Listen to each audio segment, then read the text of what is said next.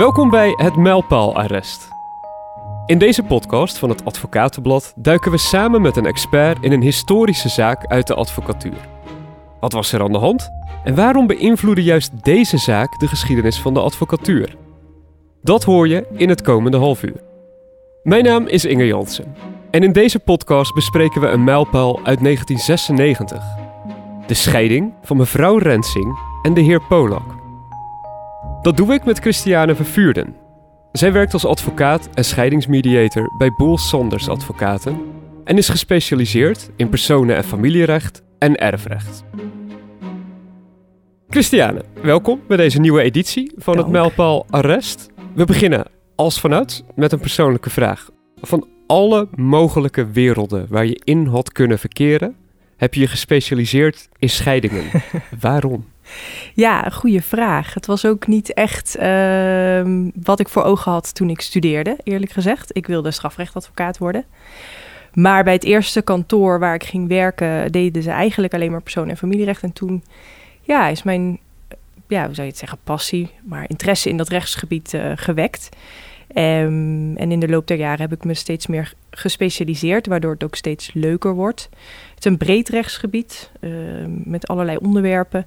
En het is ook wel een rechtsgebied waarbij ja, emoties spelen. Dat geeft een extra dimensie aan de zaak. Dat kan je irritant vinden, maar ik zie daar soms ook wel een uitdaging in om dat ook allemaal in goede banen te leiden.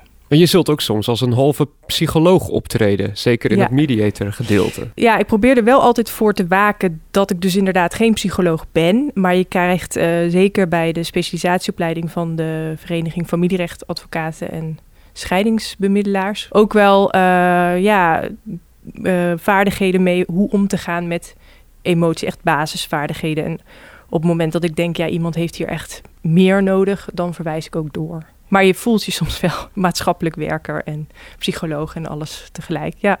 Zit er ook niet voor je gevoel iets morbides aan? Dat je gespecialiseerd bent in scheidingen, in een soort keerzijde van onze gelukkige Instagram-samenleving waarin alles goed is? Eh, Ja, maar dat geldt denk ik wel voor de hele advocatuur. Want je komt op het moment dat iemand in een conflict zit, of je dat nou hebt eh, in je privéleven in een, in een scheiding, maar of je hebt dat met je onderneming of met de gemeente omdat je bouwvergunning wordt afgewezen. Het is natuurlijk altijd dat een advocaat pas in beeld komt, eh, meestal tenminste als er een geschil is. Dus ja, morbide. Ja, ik heb wel eens een cliënt gehad die vroeg van... goh, jij verdient geld aan mijn verdriet. Maar ja, goed, een, een huisarts of een arts verdient geld aan je lichamelijk leed. Dus als je er zo tegenaan gaat kijken, dan, ja, dan is het einde zoek. En ik denk zelf ook wel dat een goede advocaat je eh, ook echt helpt. Dat je leed uiteindelijk wat eh, beter te behapstukken is.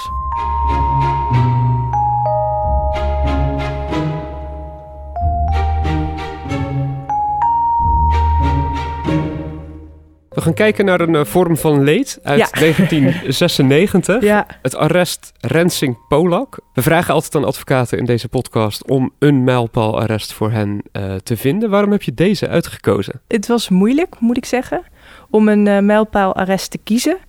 Maar als ik terugdenk aan de specialisatieopleiding, dan is natuurlijk het vak huwelijksvermogensrecht voor, was voor mij het meest tot verbeelding sp- sprekend. Omdat ja, een heleboel arresten daar voorbij komen met allerlei eh, belangrijke namen. Ik heb uiteindelijk gekozen voor een arrest dat gaat over huwelijksvermogensrecht, over niet uitgevoerde periodieke verrekenbedingen. Want dat is in mijn ogen een van de ingewikkeldste onderwerpen van het familierecht. En ehm, nou ja, dit arrest in de tijdgeest was op dat moment belangrijk. Eh, een van de eerste in een lange reeks van arresten die over eh, het niet uitgevoerde periodieke verrekenbedingen wat duidelijkheid heeft gegeven. Alleen die term al doet Ja. mij vermoeden dat dit een zeer gedetailleerde zaak is. Eh, in, in, in simpele termen, waar, waar draait deze zaak om? Nou, er zit wel een beetje wat voorgeschiedenis aan. Je had in Nederland tot 1 januari 2018 de algehele gemeenschap van goederen. Eh, daarvan kan je afwijken bij huwelijksvoorwaarden. Dat werd ook wel al gedaan. Ehm, meestal werd dan afgesproken eh, tussen de echtgenoten zal geen huwelijksgemeenschap bestaan. Heel soms werd er wel afgesproken, maar de inboedel is wel van ons samen. Of de woning. Maar eigenlijk waren dat wel zo'n beetje de smaken die je had. Er is eind jaren 60 een notaris geweest die dacht: ja, er moet toch meer zijn. Het moet toch mogelijk zijn dat je geen gemeenschappelijke goederen hebt, maar wel samen profiteert van het inkomen wat, je, wat meestal toen nog een van de twee echtgenoten verdiende. Dat is notaris van de ploeg uit Amsterdam. Het heette ook het Amsterdams verrekenbeding. En die verrekenbedingen Waarbij je eigenlijk afspreekt, we kijken ieder jaar wat we overhouden van ons inkomen nadat wij alle uh, huishoudelijke kosten hebben voldaan. En dat verrekenen we met elkaar. Iedereen, ieder krijgt daar de helft van. Zat daar ook een soort verheffingsideaal in om het vrouwen makkelijker te maken? Ja, eind jaren 70 kwam langzaam het besef dat die huwelijksvoorwaarden ook een rol zouden kunnen spelen bij de emancipatie van de vrouw. Destijds was dat helemaal. De man werkt en de vrouw zit thuis. Uh, dat was toen helemaal gewoon gebruikelijk. Nu noemen we dat een traditionele rolverdeling. En je ziet nu nog wel dat vaak toch de man meer werkt dan de vrouw. Ehm, maar die huwelijksvoorwaarden met een periodiek verrekenbeding, ja, die moesten toch, die arbeidsinkomsten die werden verdiend door de man meestal uh, gelijkelijk over de echtgenoten verdeeld worden, omdat het toch ook wel werd gezien als een gezamenlijke inspanning. Ook al is de een feitelijk het werk aan het doen en dit de ander. Die faciliteert het. Ja, precies. Maar goed, probleem is dat men gaat niet ieder jaar bekijken. Dit hebben we over, dat is dan voor jou en dit is voor mij. Toen kwam al snel uiteindelijk de vraag op: oké, we hebben dit niet gedaan ieder jaar. Nu gaan we scheiden. Wat moeten we dan doen? De Hoge Raad heeft daar eerder al van gezegd. Ja, dan moet je aan het, in het arrest Vossen Swinkels, dat zit een jaar voor Rensing Polak, dan moet je aan het einde van het huwelijk alsnog verrekenen. Niet alleen wat je had moeten verrekenen ieder jaar, maar ook de waardestijging. dus je kunt je voorstellen, het is altijd een simpel voorbeeld. De man verrekent niet en koopt met het inkomen wat hij over heeft een aandelenpakket. Moet hij dan eh, dat bedrag wat hij over had aan het eind alsnog delen of moet hij de waarde van het aandelenpakket delen? En dat is waar de Hoge Raad duidelijkheid over heeft gegeven in Vossen Swinkels als eerste. En daarna, een jaar later, in Rensing Polak hebben ze dat bevestigd. Dus dat het niet alleen gaat dat je het huwelijk nog een keer overnieuw doet, maar dat je aan het eind van de rit kijkt. Oké, dit is wat er is overgebleven van ons inkomen. Dat heb ik ervan gekocht. En de waardestijging doet ook mee. Hoe zat dat bij Rensing en Polak? Waarom waren ze überhaupt hieraan begonnen? Nou ja, zij hadden huwelijksvoorwaarden opgesteld toen ze gingen trouwen. En daar zat zo'n periodiek verrekenbeding en in. Maar ook een uh, beding wat zei, je kan niet uh, eindeloos verrekening vragen. Maar er zit een bepaalde termijn aan, een vervalbeding. En toen ze gingen scheiden, uh, nou ja, is er van alles over de echtscheiding en alimentatie gevraagd. Maar ook door mevrouw ten eerste dat meneer een boedelbeschrijving moet maken. En ten tweede, heel kort gezegd, dat ze vindt dat het moet, alsnog moet worden verrekend. Toen zei meneer uh, Polak, ja luister eens, we hebben een vervalbeding, dus dat hoeft niet. Dat gaan we niet doen, je bent te laat. Sowieso vond hij, als het dan al moest, alleen wat nominaal. Dus alleen wat hij over had, letterlijk. Niet wat hij er daarna mee gedaan heeft. En daarvan heeft de Hoge Raad in Vossen Swinkels al gezegd... nee, aan het eind van de rit uh, verreken je niet alleen nominaal alsnog wat je ieder jaar over had... maar je gaat ook de waardestijging delen... En dat hebben ze in Renzing Polak bevestigd. En daarbij heeft de Hoge Raad ook gezegd: zo'n beroep op een vervalbeding, dat mag niet. Eh, dat is in strijd met de redelijkheid en billijkheid. Alleen als je daar goede argumenten voor hebt, kun je iemand daaraan houden. Dus dat betekent dat mevrouw uh, Renzing, ondanks dat zij niet ieder jaar had gezegd: joh, hey, we moeten even verrekenen, dat alsnog uh, kon vragen.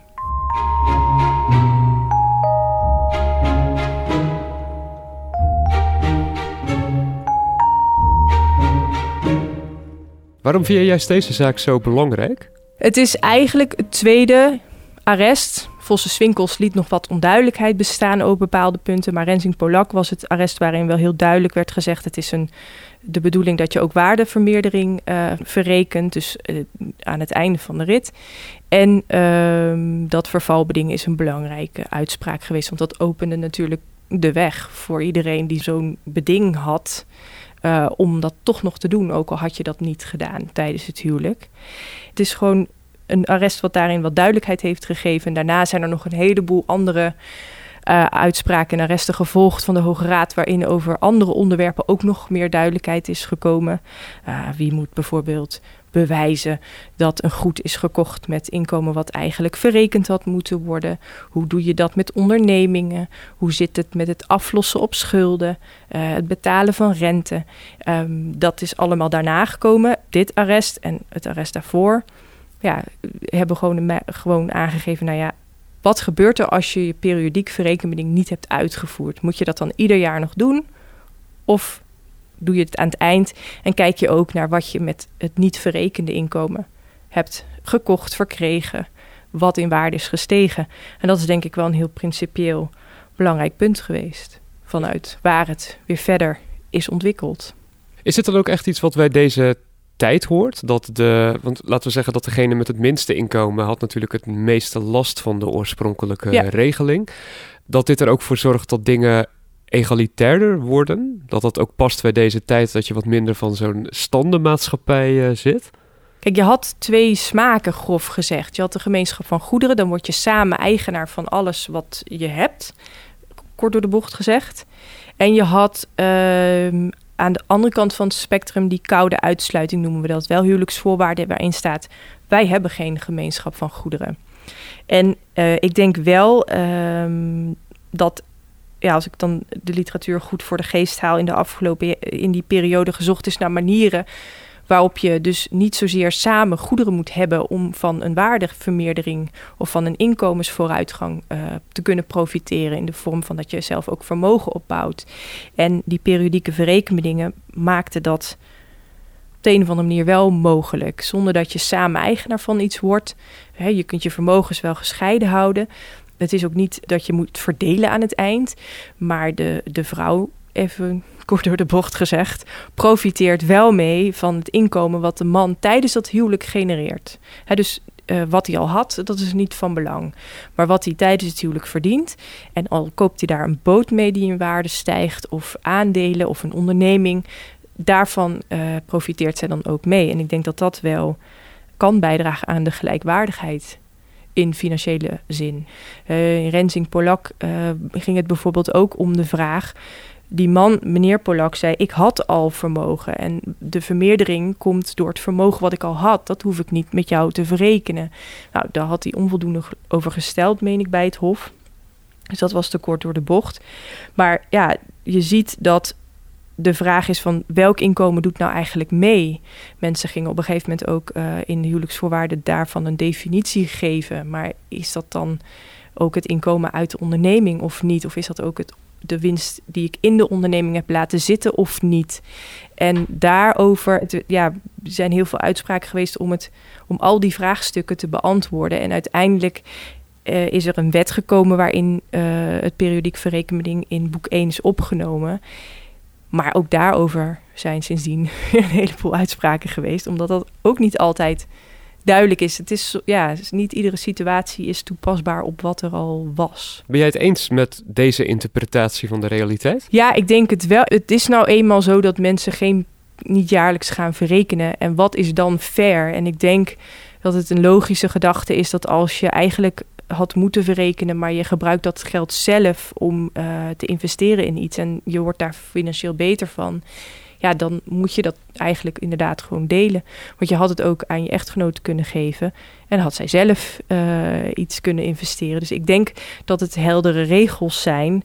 En ik denk ook dat die niet voor niets uiteindelijk in een wet terecht zijn gekomen. Ik vraag mij wel eens af waarom, waarom je zou je een periodiek verrekenbeding overeenkomen. Maar daar heeft iedereen zo zijn eigen ideeën bij, denk ik. Zijn er überhaupt mensen die jij kent die dit doen? Ja, toevallig, uh, sprak ik vorige week iemand die uh, nog een periodiek verrekenbeding had overeengekomen met haar echtgenoot. En die ook inderdaad jaarlijks dat netjes doen. Dus dat is wel een, maar dat is wel een unicum. Maar die zaten dan gewoon lekker op 1 januari de overgebleven ja, oliebollen. Of 1 januari, dus het begin van het jaar bij de belastingaangifte kijken ze samen even hoe het ervoor staat. En dat rekenen ze dan met elkaar af. Ja. Het is ook wel lief, maar ook wel. Dat is wel ja, ja, zakelijk. Niks mis mee, denk ik. Maar je ziet in mijn praktijk, moet ik eerlijk zeggen, ben ik het nog nooit tegengekomen dat mensen jaarlijks hadden verrekend. Wel um, nou, dat men aangeeft, ja, we hoefden ook niet te verrekenen, want er was nooit wat over. Nou, daar kun je dan discussie over hebben. Maar, uh, maar dat mensen echt zeggen, nee, we hebben ieder jaar netjes verrekend, dat ben ik nog niet tegengekomen.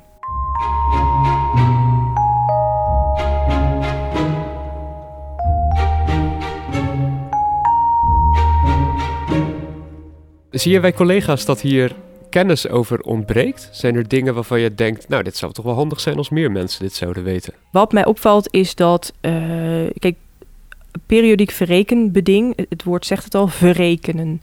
Je wordt geen mede-eigenaar van bijvoorbeeld uh, de woning die gekocht is met overgespaard inkomsten. Het enige wat je hebt is een geldvordering op de ander. En dat zie je nog wel eens um, misgaan in die zin dat er zijn advocaten die het dan hebben over we moeten het huis verdelen. Op zich kan ik me voorstellen, gevoelsmatig lijkt het heel erg op verdelen. Want je kijkt naar de waarde, van de woning. Je haalt de hypotheek ervan af en je verrekent het verschil. Maar het is geen verdelen, strikt juridisch gezien. En het, dat is denk ik ook wel een fundamenteel verschil. Want je kan bijvoorbeeld niet vragen: ik wil, ik wil in de woning blijven wonen als het niet jouw eigendom is. Ja, dat kan je wel afspreken met elkaar. Maar bij de rechter kan dat geen vordering zijn. Dus dat zie ik wel vaak misgaan. Het onderscheid tussen verrekenen en verdelen. Um, dat je dan ook in een convenant ziet staan Mensen hebben uh, huwelijksvoorwaarden met een verrekenbeding. We gaan nu als volgt verdelen. Ja, dat, dat klopt niet. Is dit ook iets waar mensen zich meer van, uh, meer van op de hoogte zouden moeten zijn? Want het klinkt allemaal als kennis als die ook meer in het publieke domein zou zitten. Dat mensen ook betere keuzes zouden maken op het moment dat zij een huwelijk aangaan. Dat zij besluiten, laten we dit goed regelen. Want vermoedelijk het gros van de mensen dat bij jou komt, heeft zijn dingen niet goed geregeld voor zijn huwelijk? Ja, niet goed geregeld, dat denk ik niet. Alleen ik denk wel ehm, dat het soms aan het begin bij de notaris wellicht, zonder die notaris nou te willen afvallen, eh, ontbrak aan uh, informatie van wat spreek je nou eigenlijk met elkaar af? En wat heeft dat nou daadwerkelijk voor gevolgen als je gaat scheiden? En dat zijn natuurlijk niet de leukste gesprekken, want ja, je zit vlak voor je huwelijk kan me alles bevoorstellen. Maar soms zie je dat mensen bij mij zitten met hele andere verwachtingen. En als ik dan uitleg van, nou ja, maar je hebt een periodiek verrekening wat je niet hebt uitgevoerd. En dat betekent dit en dit en dit. Dat er ja, toch een lichte schok. Uh, of nee, zo had ik dat niet begrepen. En dat vind ik jammer. Ik denk dat het belangrijk is. Maar dat komt misschien omdat ik daarin beroepsgedeformeerd ben. Uh, maar iets meer met elkaar het gesprek aangaan van wat verwacht jij nou eigenlijk financieel van mij? Hoe zie jij dat als wij gaan scheiden? Aan de voorkant zou niet onhandig zijn. Stel voor dat jij zelf ooit gaat trouwen. Ja. Wat zijn de onderwerpen die jij vast zou leggen? Toch wel iets van een verrekening van het inkomen. Ja, ik zie het in de relatie die ik nu heb zeker dat wij samen een inspanning leveren om ons leven goed te maken. En uh, ik vind op het moment dat we uit elkaar gaan, dat we de vruchten van die inspanningen die wij nu leveren, ieder voor zich, maar toch ook voor onze gezamenlijke pot, zullen we maar zeggen, dat we die gewoon netjes delen. Ja. Maar goed, ja, ik, uh, ik heb wel eens nagedacht, wil ik, wat wil ik dan als ik ga trouwen? Maar ik moet eerlijk zeggen dat ik daar niet echt uh, het antwoord op heb gevonden nog tot die tijd schrijf je dat gewoon een beetje voor je uit. Ja, nou ja, ze zeggen wel eens bij de loodgieter lekt het. Maar toen ik ging samenwonen, dacht ik bij mezelf... ja, samenlevingsovereenkomsten hoeft toch allemaal helemaal niet. Maar de notaris die zei... nou Christiane, we gaan we toch wel, uh, toch wel even doen. Want al is het maar uh, in verband met uh, als je overlijdt... dat er in ieder geval verblijvingsbeding is... en dat scheelt weer fiscaal. de aanslag. Ik zeg, oké, nou, prima. dus nu heb ik huwelijksvoorwaarden, of uh, samenlevingsovereenkomst, moet eerlijk zeggen, ik niet heel goed heb gelezen, maar het staat er allemaal in. Het lekt bij de loodgieter. Precies. Als laatste, je gaf al aan, dit arrest is omgezet in een wet. Uh, wat zou je nog willen dat er aangevuld of aangepast wordt op die wet? Wat zou een volgende waardevolle stap zijn voor hoe we hiermee omgaan? Ik moet eerlijk zeggen, ik zou zo niks kunnen verzinnen. Het is op zich een heldere regel. Er zit ja, dat hou je altijd. Hè. Niet iedere zaak is hetzelfde. Dus voor ieder, in iedere, iedere zaak kan iets zitten waar de wet nou weer net niet zo heel duidelijk over is. En huwelijksvoorwaarde komt ook aan op de uitleg van de overeenkomst. En uh, als het niet duidelijk is of misschien wel duidelijk was, maar iemand ziet het nu ineens heel anders. Dat je dan kijkt van ja, wat had je nou bedoeld? Wat mocht je van elkaar verwachten? Ik vind het moeilijk om die vraag te beantwoorden. Wat moet er nou beter aan het periodiek verrekenbeding? Ik denk dat we al een heel eind zijn gekomen. Eerlijk gezegd um, zie ik ook wel in mijn omgeving, maar dat is echt mijn persoonlijke observatie, dat uh, toch vaker nu wordt gekozen voor een finaal verrekenbeding. Dus niet van we moeten ieder jaar afrekenen, maar aan het eind van het huwelijk gaan we zus en zo met elkaar om. Hè? Dan gaan we doen alsof we in gemeenschap van goederen zijn getrouwd. Of we doen een finaal verrekenbeding. We verrekenen wat we hebben, behalve en dan meestal de onderneming. Ik denk dat de wet voor zoals die er nu ligt uh, afdoende is daarvoor. Ik denk wel dat het goed zou zijn, ook vanuit de overheid, dat er wat meer informatie uh, wordt verstrekt aan aanstaande echtgenoten. Wat nu precies uh, allemaal geregeld zou kunnen worden. Ik kan me herinneren toen ik ging trouwen dat daar niemand ooit iets over nee. gezegd heeft. Nee. Ze zeiden vooral gefeliciteerd. Ja, nu hebben we de wet beperking gemeenschap van goederen. Dus vroeger was alles viel in de gemeenschap. Nu alleen nog maar wat je tijdens het huwelijk vergaart, uh, valt erin, kort gezegd. Ja, mensen hebben gewoon soms geen idee hoe het zit. En dat is jammer. En dat, daar zit denk ik wel uh, nog veel terrein te winnen. Je hebt ook um, advocaten die zich richten op zogenaamde prenuptial mediations. Dus dat zijn mediations tussen aanstaande echtgenoten over wat er in hun huwelijksvoorwaarden moet staan. En ik denk dat dat uh, ja, belangrijk is. Het hoeft niet per se in de vorm van mediation, maar wel dat je gewoon allebei goed weet wat spreken we hier nou eigenlijk af. En niet zozeer juridisch, maar ook gewoon, dat zie ik vaak in de mediation, dat mensen niet met elkaar praten over dat onderwerp, maar vraag gewoon, hoe kijk je daar tegenaan? Wat verwacht je van mij als we gaan scheiden? Zie je dat ook zoals ik vreemd ga? Want ja, het leven is heel anders aan het eind van de rit meestal. Maar het is toch wel handig om ook van tevoren duidelijk te hebben hoe je tegen dat soort geldzaken aankijkt. Dat is eigenlijk uh, ja, wat ik denk dat belangrijk is.